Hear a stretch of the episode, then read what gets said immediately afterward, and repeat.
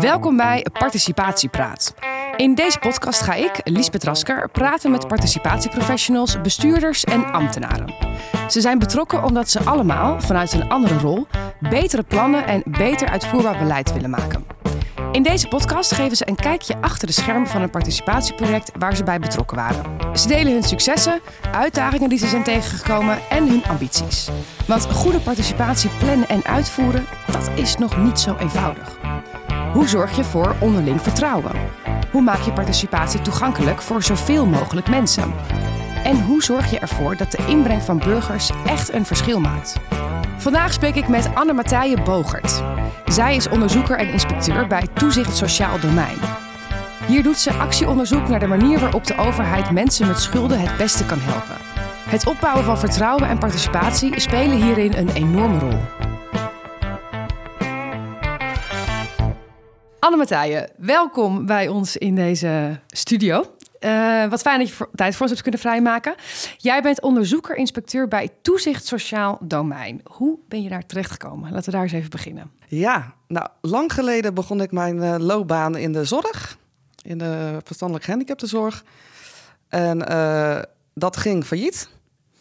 En toen heb ik een beetje rondgezworven. Maar uiteindelijk ben ik terechtgekomen bij het burgerloket van de Inspectie Gezondheidszorg en Jeugd. Mm -hmm. vond ik heel erg leuk. En na drie jaar besloot ik toch om uh, ja, onderzoeker te gaan worden bij Toezicht Sociaal Domein. Dus ik ben gedetacheerd. Wat houdt het werk van een onderzoeker, inspecteur eigenlijk in? Hoe zien jouw dagen eruit? Ja, um, mijn dagen zijn heel wisselend. Ja, dat kan ik me voorstellen. Ja, ik ben uh, veel op pad. Ja. En uh, zeker met wat ik nu doe, dat actieonderzoek. Ik praat veel met mensen, ik ga langs bij organisaties. Um, maar wij als TSD geheel uh, onderzoeken eigenlijk mogelijkheden om mensen te ondersteunen die zich in een kwetsbare positie bevinden. Anderhalf jaar geleden startte je met een onderzoek. Wat kun je uh, zeggen over de, de start daarvan? Um, ja, wij gingen onderzoeken hoe je op een juiste manier mensen in de armoede kan ondersteunen. In de schuldhulpverlening. Um, nou ja, helaas is het geldprobleem nooit het enige probleem. Er spelen ook andere problemen mee, zoals psychische problemen. Het niet kunnen vinden van werk, het niet kunnen vinden van een zinvolle dagbesteding. Ja, die veroorzaken ja. weer eventueel ook. Ja, ja, ja. dus het probleem van geen geld hebben staat nooit op zichzelf. Er speelt altijd meer. Ja. En wij gingen onderzoek daarna doen nou, hoe je dus die mensen kunt ondersteunen. Ja. En, waar, en, en wie initieert dat onderzoek? Waar, waar, wat is het vertrekpunt? Ja, dat is grappig bij actieonderzoek. Want normaal gesproken um, formuleren wij een hypothese, gaan we onderzoeken, komen we met aanbevelingen. Nou, dat hebben we zo vaak gedaan, werd een beetje saai. En uh, plus dat we allemaal weten dat dergelijke rapporten al snel verdwijnen. Um, dus wij wilden het anders aan gaan pakken. Dus we zijn op zoek gegaan naar mensen en organisaties die samen met ons het onderzoek wilden doen, zodat je samen een hypothese kan stellen. Ja, dat klinkt eigenlijk heel logisch. Ja. Je zou zeggen, waarom gebeurt dat niet altijd? Ja, dat is ook mijn vraag inderdaad. Maar dat gebeurt dus niet. Nee. Het is echt een, een nieuwe kijk op onderzoek. En heb je daar, heb je daar of, al dan niet een voorlopige antwoord op waarom dat niet vaker gebeurt? Het is eng om anders te denken. Ja. En het is ook bekend dat ambtenaren het eng vinden om met mensen te, te, te spreken. Daar ja. kan ik me ook wel iets bij voorstellen. Want je komt heftige verhalen tegen. Je weet misschien niet wat je daaraan kan doen vanuit je rol als ambtenaar. Ja. Dat is ook vaak politiek geladen. Dus ik snap dat wel. Hoe werd daar dan in eerste instantie op gereageerd, aangezien het dus een nieuwe vorm van onderzoek is voor jullie? Uh, nou ja, bijvoorbeeld, ik startte uh, het onderzoek uh, met anderen. Uh, maar ik vond het heel belangrijk om erin te leven. Want zeg nou zelf, als ambtenaar, ja, kom je toch wel vaak uit een goed milieu, om het zo maar te zeggen. Ja. Waar geldzorgen misschien geen rol speelde. Dat geldt niet voor iedereen. Voor mij, ik heb een hele goede jeugd gehad. Ik heb me nooit zorgen hoeven maken over geld. Dus ik dacht, hoe kan ik me inleven? En toen heb ik uh, samen met mijn vriendin een maand op bijstandsniveau uh, geleefd. Ah. Dat hadden we heel streng aangepakt, om het ook echt zo goed mogelijk in te voelen. Ja, en dat is denk ik het startpunt uh, geweest voor het onderzoek. En wat leerde je daarvan? Nou ja, ik kan je vertellen, als dat echt langdurig was geweest, je verliest vrienden, je verliest culturele activiteiten. Um, je bent alleen maar bezig om te overleven, om te zorgen dat je eten krijgt. Maar ook shampoo bijvoorbeeld, is echt hartstikke duur. Hmm. En nou, ik denk dat ik toch wel binnen een maand laafloos op de bank zou zitten. Dus ik kan ook heel goed begrijpen dat mensen zoveel stress hebben aan hun hoofd Ja. qua geldzorgen, dat je gewoon nergens anders aan toe komt. Ja.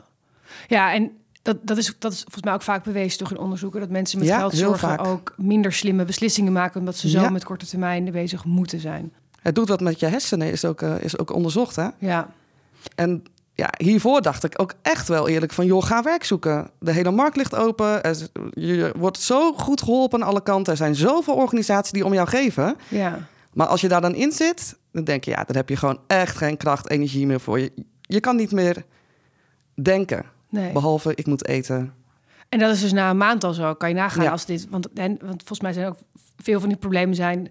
De, de, de zorg van, oh, er mag nu niks kapot gaan... of er kan nu niks kapot gaan. En dat is natuurlijk langduriger. Ja, maar ook de zorg alleen al van mijn shampoo is bijna op. Ja, Je wil je toch blijven verzorgen. ja. Je ging die maand eh, op bijstandsniveau eh, leven. Ja. Ehm, hoe, zag, hoe zag die maand, maand er nog meer uit? Wat voor dingen heb je nog meer gedaan? Ja, ik, ehm, het was eh, lastig om gezond eten te kopen. Ja, We hadden het wel echt streng, streng aangepakt. Dus onze voorraad was ook op voordat we begonnen. We hadden 50 euro in de week over met z'n tweeën. Dat, daar kan je gewoon geen boodschappen van doen. Ehm, dus eh, ik heb me aangebeld bij de voedselbank. Mhm. En daar heb ik dus verteld dat het een onderzoek betrof. En ehm, zij hebben mij door de financiële mangelmolen gehaald... waarbij ik alles eh, op moest biechten. ja. Natuurlijk fictief allemaal. En eh, toen kon ik wel gelukkig terecht bij de voedselbank om een pakket op te halen. Ja, en dat doet ook wat met je inlevingsvermogen. Het is echt niet fijn om in een rij te staan. Om een soort van eten te krijgen. En ook eten wat je eigenlijk helemaal niet lekker vindt.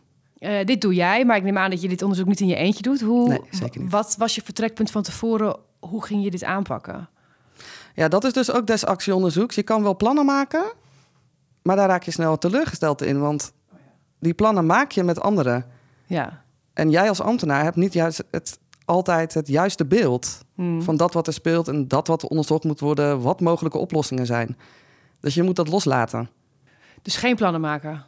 Nee, ja, ik, eh, mijn plan en eh, mijn ideologie en de rest van, van mijn projectgroep ook natuurlijk is dat Nederland geen voedselbanken meer nodig heeft en dat Ja. ieder individu- individueel persoon zo geholpen wordt dat ze uit die geldstress komen. Ja, Maar we hadden niet een specifiek plan uitgeschreven van dat gaan we doen. nee. En het, maar het doel was om het beter te begrijpen en om te begrijpen wat de mensen nodig hebben. Ja, en daarbij het onderliggende doel is eh, gemeenten vooral te laten zien op welke manier je mensen wel kan betrekken bij het schrijven van beleid. Ja, ja dus die participatie. Ja, dat Ja. vind ik heel erg belangrijk. Ja. Daar gaan we zo meteen, daar komen we zo meteen op. Want je staat in die rij bij de voedselbank. Ik neem aan dat je daar een hoop mensen hebt ontmoet. Ja, Ja. heel hoop. Kun je daar iets over vertellen? Over, hoe belang, over wat je daar leerde, wat je daarvan die mensen ook leerden? Ja, ehm, ik mocht daar dus eh, na het eh, ophalen van de pakketten blijven. En eh, nou, het wordt gerund door vrijwilligers. Elke woensdag in Kanaleneiland. Ehm, alleen, ik heb echt bewust meegegeven dat ik ambtenaar ben. Ja. dat ik onderzoek doe en dat ik vanuit die rol bij de voedselbank werk. Dus ik ben eigenlijk een hele dure betaalde kracht bij de voedselbank. ja. Maar dat wilde ik bewust zo eh, doen om ook het vertrouwen te schenken aan mensen dat ik ook maar een gewoon mens ben. Want er is natuurlijk ontzettend veel wantrouwen in de overheid. Hmm. En ik wilde dat stukje een beetje proberen weg te nemen. Merkte je dat wantrouwen? In het begin wel, maar dat kan ook mee te maken hebben dat er sowieso wantrouwen is tegen de mensheid als jij afhankelijk bent van een voedselbank. Maar wat voor reacties kreeg je bijvoorbeeld als je tegen iemand zei... ja, ik, ben- ik werk eigenlijk voor de overheid? Nou, eerst kreeg ik van, oh, eh, nou, misschien kan jij wel wat doen aan het probleem dan, eindelijk. Oh, wat goed dat je achter je bureau bent eh, gekomen. Maar ook de overheid doet niks. Een gemeente doet helemaal niets. Ja. Jullie laten ons in de steek. Maar na verloop van tijd veranderde dat. En nu hoor ik eigenlijk terug van, joh, jij bent eigenlijk helemaal geen standaard ambtenaar. Nou, dat vind ik een groot compliment. Hmm. Dat betekent dat je gelijk staat eigenlijk. Ja. Maar in eerste instantie stuit je op best veel cynisme dan dus eigenlijk. Zeker. Ja, Ook met organisaties die ik spreek. ja. Ja. Wat, wat, wat zegt dat jou? Dat we anders moeten gaan werken. Ja. Ja. We moeten het vertrouwen weer terug gaan winnen. Ja, als je nou in één zin het grootste verschil moet, of het grootste, je noemt dat, unique selling point van een actieonderzoek zou moeten samenvatten, waarom is dat zo'n effectieve vorm van onderzoek versus de misschien meer reguliere vormen van onderzoek? Omdat jij niet bepaalt wat er moet gebeuren. Dat doen de mensen waar het over gaat. En de organisaties die daar kijk op hebben. Dat zet je samen neer. Dat is een ontzettend groot verschil met regulier onderzoek. Ja, het is eigenlijk gewoon helemaal andersom. Het is helemaal andersom. Ja.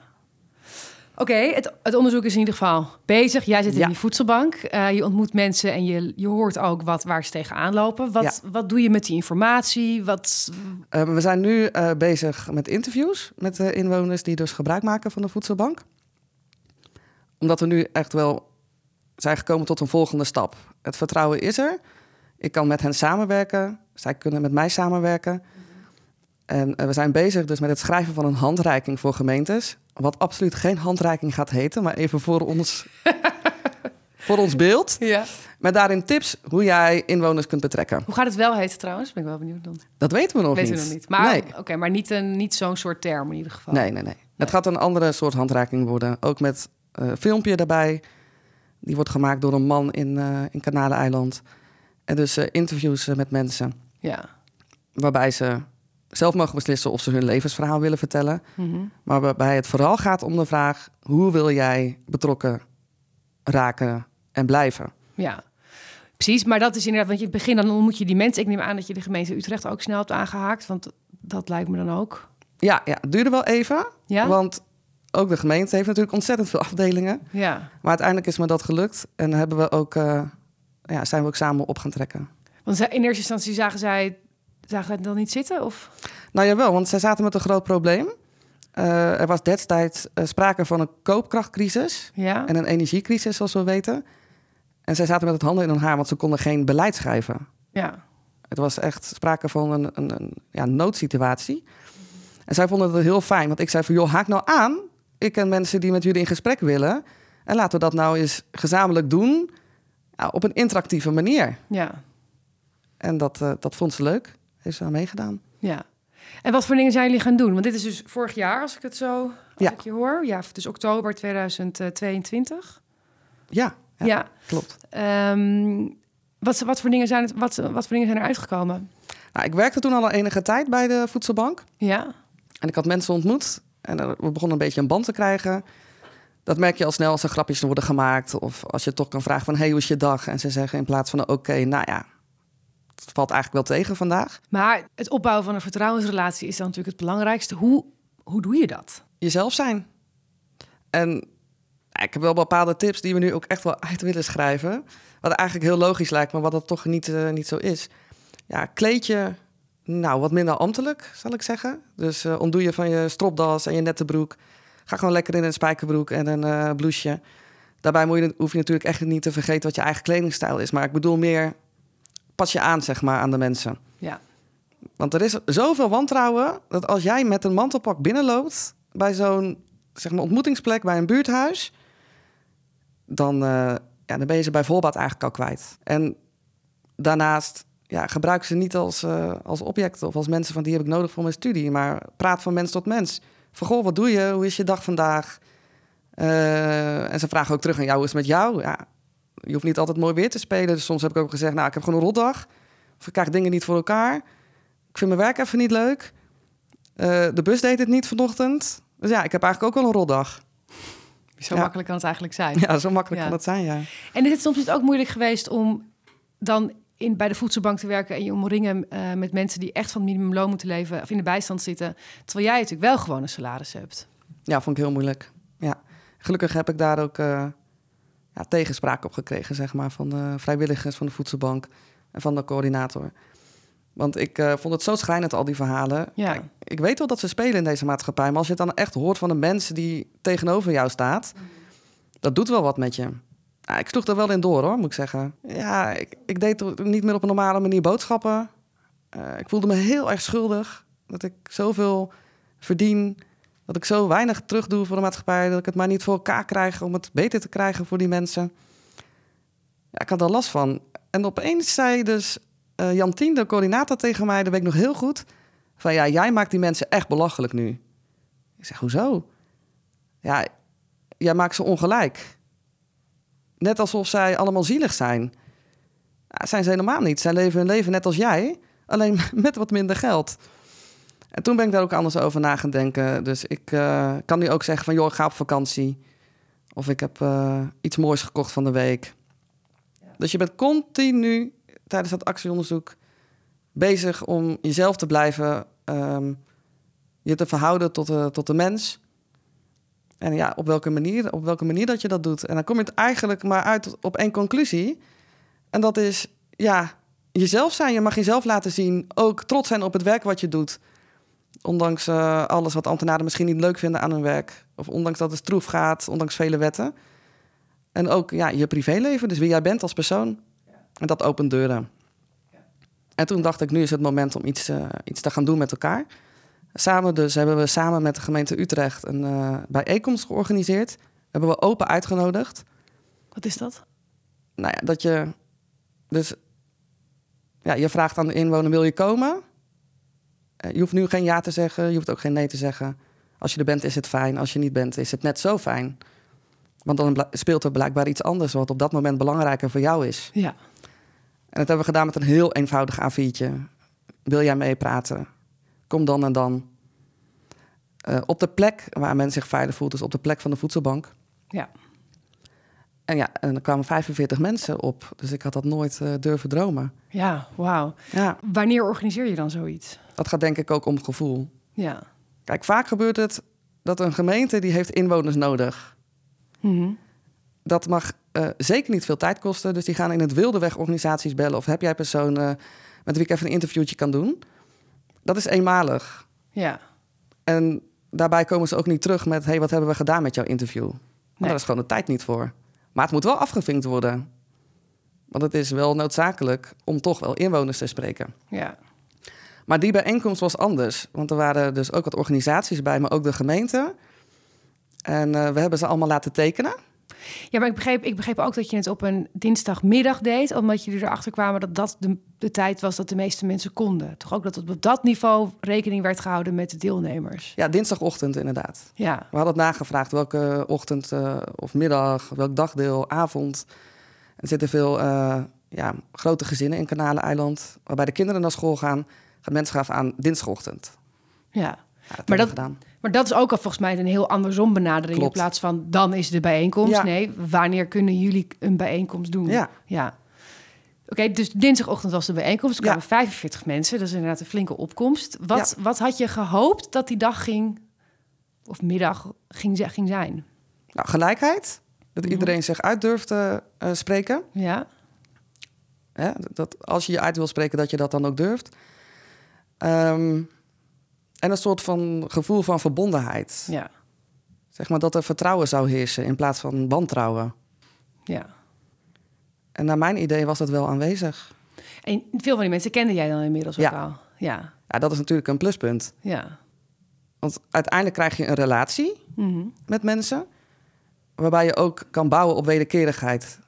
Ja, Dus ik heb twee weken van tevoren, dus kort van tevoren... ook met die onderzoeken in ons achterhoofd... van hey, wil je komen, dan en dan. Hier heb je papiertje. Volgende week zal ik eh, het weer vertellen.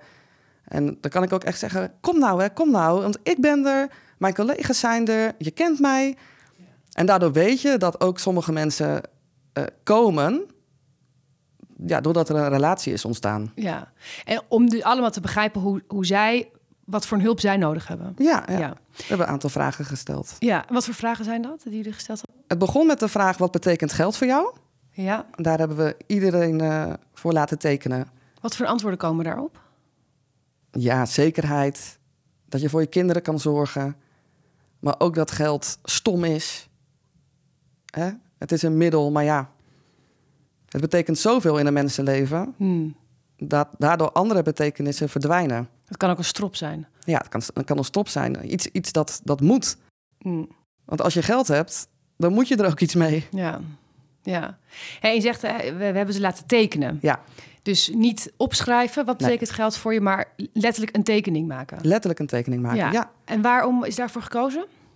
Om te zorgen voor gelijkheid. Want Ja. je ziet bij dergelijke bijeenkomsten dat bijvoorbeeld beleidsmakers... die weten heel goed wat ze willen vertellen. Ja. Dat is ook hun werk. Organisaties weten ook heel goed waar ze voor staan... en wat ze willen bereiken in Nederland. Maar er zaten ook mensen bij met een migratieachtergrond... dus die niet heel goed Nederlands kunnen eh, spreken. Dus daarom hebben we gezegd, nou, dan maken we gewoon iedereen gelijk. Want zeg nou zelf, als je moet gaan tekenen... ja, dan zit je niet per se op te wachten. Want je bent bang dat je tekening kinderachtig is... of dat het niet goed uitbeeldt wat er in je hoofd zit. Dat je voor gek staat als je je tekening laat zien. En dat ervaart eigenlijk iedereen. Hoe, hoe tekenden mensen dingen als zekerheid of dat soort? Nou, bijvoorbeeld een huis, eh, dat dat een veilige haven is eh, voor iedereen. Bijvoorbeeld poppetjes erbij van ja, dit is mijn familie, is belangrijk voor me, ik wil voor hen zorgen. Ja. Had ook een man een hele mooie eh, vrachtwagen getekend. Ik vroeg daarna van waarom teken je een vrachtwagen? Ja, omdat mijn droom is om vrachtwagenchauffeur te zijn ooit op een dag. Ja. En dat betekende geld voor hem. Ja. En was het ook zo dat je dus inderdaad mensen een beetje zag lachen om elkaars tekeningen en dat daar een soort van verbroedering dan al in zat? Ja, ook. Maar Ja. je merkte ook, eh, er waren echt veel mensen met een migratieachtergrond. Nou, super fijn om die eh, te ontmoeten. Ja. Maar die hebben dan toch eh, ook bij eenvoudig Nederlands nog wat extra ondersteuning nodig. Dus dan zaten ze aan tafel en dan een buurvrouw die Arabisch kon, die legde het dan nog eens uit. En dan werd er weer gelachen van, huh, moet ik tekenen? Maar we hadden ook ander materiaal, hè, zoals stickers of eh, eh, dingen om mee te knutselen. Dus dat lag helemaal in jezelf. En ja, sommigen hebben wel wat dingen opgeschreven. Anderen gingen woordwolken maken. De ander ging wel tekenen. De ander had alleen stickers geplakt. Hm. Ja. Ja, dus verschillende vormen van creativiteit. ja, en je had de vraag, wat betekent geld voor jou? Wat zijn Ja. andere vragen die jullie hadden opgesteld? Nou, wat moet de gemeente doen om jou te helpen? Ja. Daarbij hadden we weer een andere methode. Dus dan kon je de hele zaal zeg maar gebruiken. En dan kon je post-its plakken. Groen was, nou, dat werkt wel. Rood was, nee, dat moeten ze echt niet gaan doen. en daar kwamen ook hele verrassende dingen naar boven. Want daar was de gemeente in eerste instantie bang voor. Van ja, als we dan zo'n gesprek gaan voeren... dan komen ze toch alleen maar met... ja, we hebben meer geld nodig. Ja. En dat is vaak ook die angst, hè? Om dan dus met mensen te praten... omdat je dan een nee-boodschap moet eh, verkopen. ja, want er is niet meer geld. Ja, Ja. Maar, maar, dat, weten dus- mensen echt wel. ja, maar dat bleek dus niet zo te zijn. Nee. Want wat wilden ze dan wel? Nou, ze wilden meer sociale contacten. Iemand had een heel origineel idee van... nou ja, ik wil zo graag de ambtenaren leren kennen. Waarom gaan jullie geen wandelingen organiseren? Waarbij je gewoon met een ambtenaar kan wandelen, zeg maar, door de stad. Ja. Weer iemand anders die wilde heel graag Nederlandse eh, taal goed leren spreken. En die vroeg naar mogelijkheden. De ander zei, ehm, we hebben een U-pas. Dat is een, eh, een pas, daar krijg je geld voor als je onder een bepaalde armoedegrens eh, zit. Krijg je geld opgestort, kan je bijvoorbeeld sportlessen betalen van je kinderen. Maar vaak is het bedrag dermate laag dat je niet voor een heel jaar een abonnement kan- eh, af kan sluiten. Mhm. Of dat als je een fiets nodig hebt, dat je die alleen nieuw kunt kopen bij een gerenommeerde fietsenzaak. Ja. Dat is natuurlijk veel meer geld dan dat je iets via Marktplaats zou kopen. Gewoon Ja. een goede fiets, wat eigenlijk iedereen wel doet voor zijn kinderen. Ja. Die kinderen maken toch snel dingen kapot.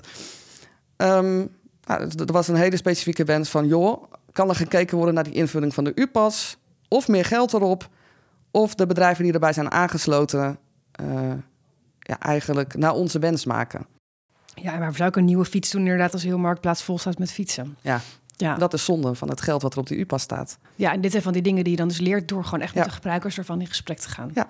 Ja. En ook ontzettende wens naar meer informatie Mhm. vanuit de gemeente. Want wat opvallend is in Kanaleneiland... is dat er een groot aantal mensen onder die armoedegrens leeft. Die, dat, die cijfers zijn bekend. Maar dat het tegelijkertijd een wijk is... waarbij minimale regelingen worden aangevraagd. Hmm. En dat kan te maken hebben met een stukje informatieontbreking... maar ook dat het heel ingewikkeld is om een regeling aan te vragen. Ja, en dat is, dat is natuurlijk ook typisch iets dat zo heel erg versplinterd is over allerlei verschillende instanties. En dan moet je maar net weten wat de route is. Ja, je moet alles opnieuw aanvragen.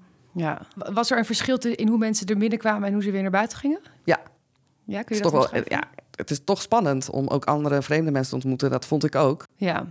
Maar we kregen terug dat er wel sprake was van verbroedering tijdens de bijeenkomst. ja. Dat er werd gezegd van, hé, hey, ik sta eigenlijk helemaal niet alleen met mijn verhaal. Maar er zijn vele anderen die ook een soortgelijk verhaal hebben. Ja. En dat vond men heel erg fijn. En ze vonden het heel fijn dat ze beloond werden. Dus met een, eh, hadden we ook uitgevraagd, nou, welke beloning zou dan passend zijn? Kwamen ze met een Albert Heijnbon. Ja.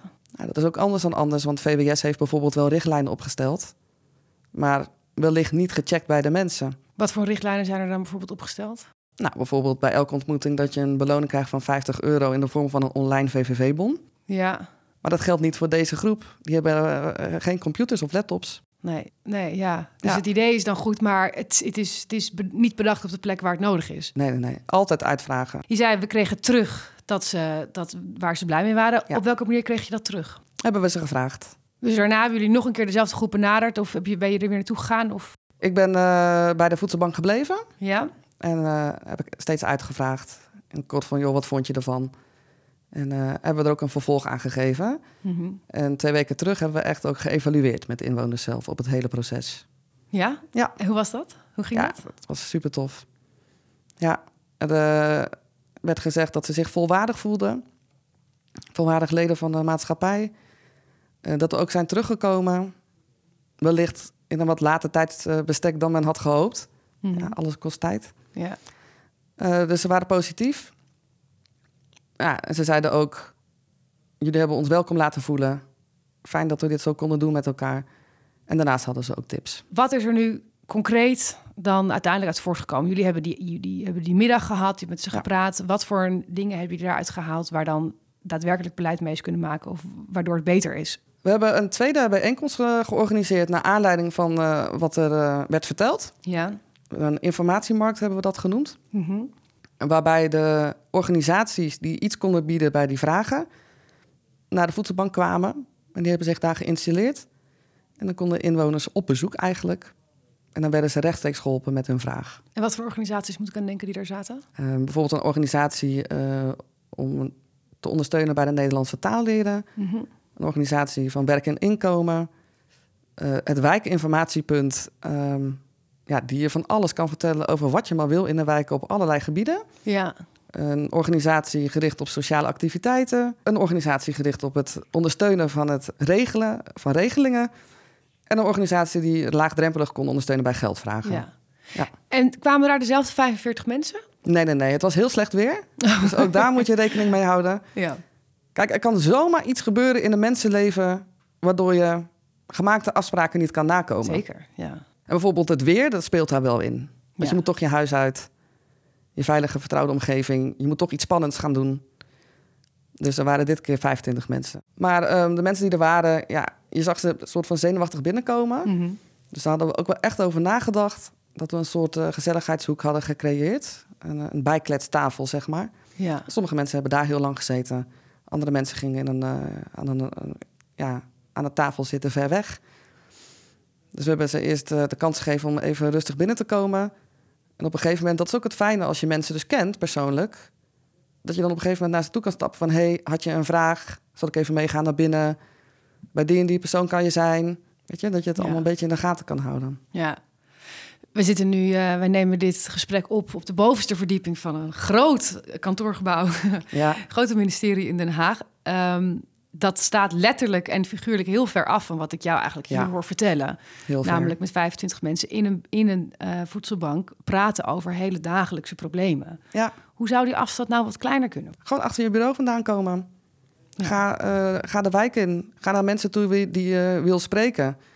Die je nodig hebt om beleid te kunnen schrijven. Of onderzoeken te doen. Dingen te veranderen. Dingen te implementeren, zoals we dat altijd zeggen. ja, ik denk dat je dan echt uit dit gebouw moet, eh, moet gaan. Dit, hoe gaat het met dit project? Wat is de, wat is de huidige status? Het is nu eh, bijna november 2023 als we elkaar spreken. Ja, eh, we zijn bezig met presentatierondes.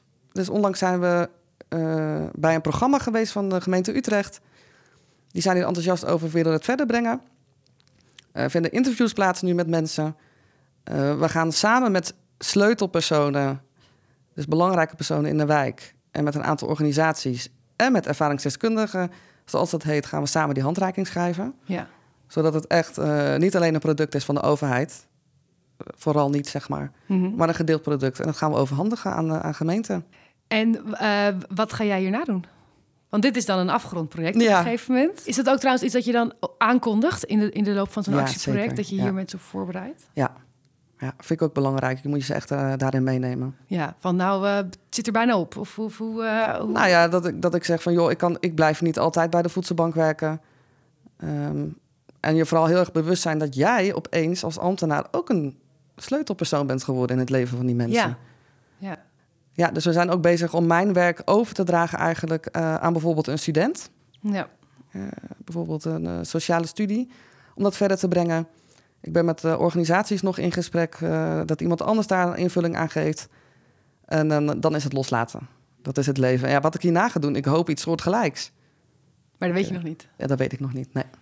ik denk dat ik het antwoord wel een beetje te geven, maar toch de belangrijkste les en, en het mooiste inzicht van dit project. De belangrijkste les is dat het moeilijk is om anders te denken. Zeker als je bepaald toezicht bent, uh, bent gewend, of bepaald onderzoek bent gewend. Um, dat je daarmee zult blijven worstelen. Maar dat je uiteindelijk ook gaat zien dat andere manieren van onderzoek je veel dichter bij een oplossing zullen brengen. Ja.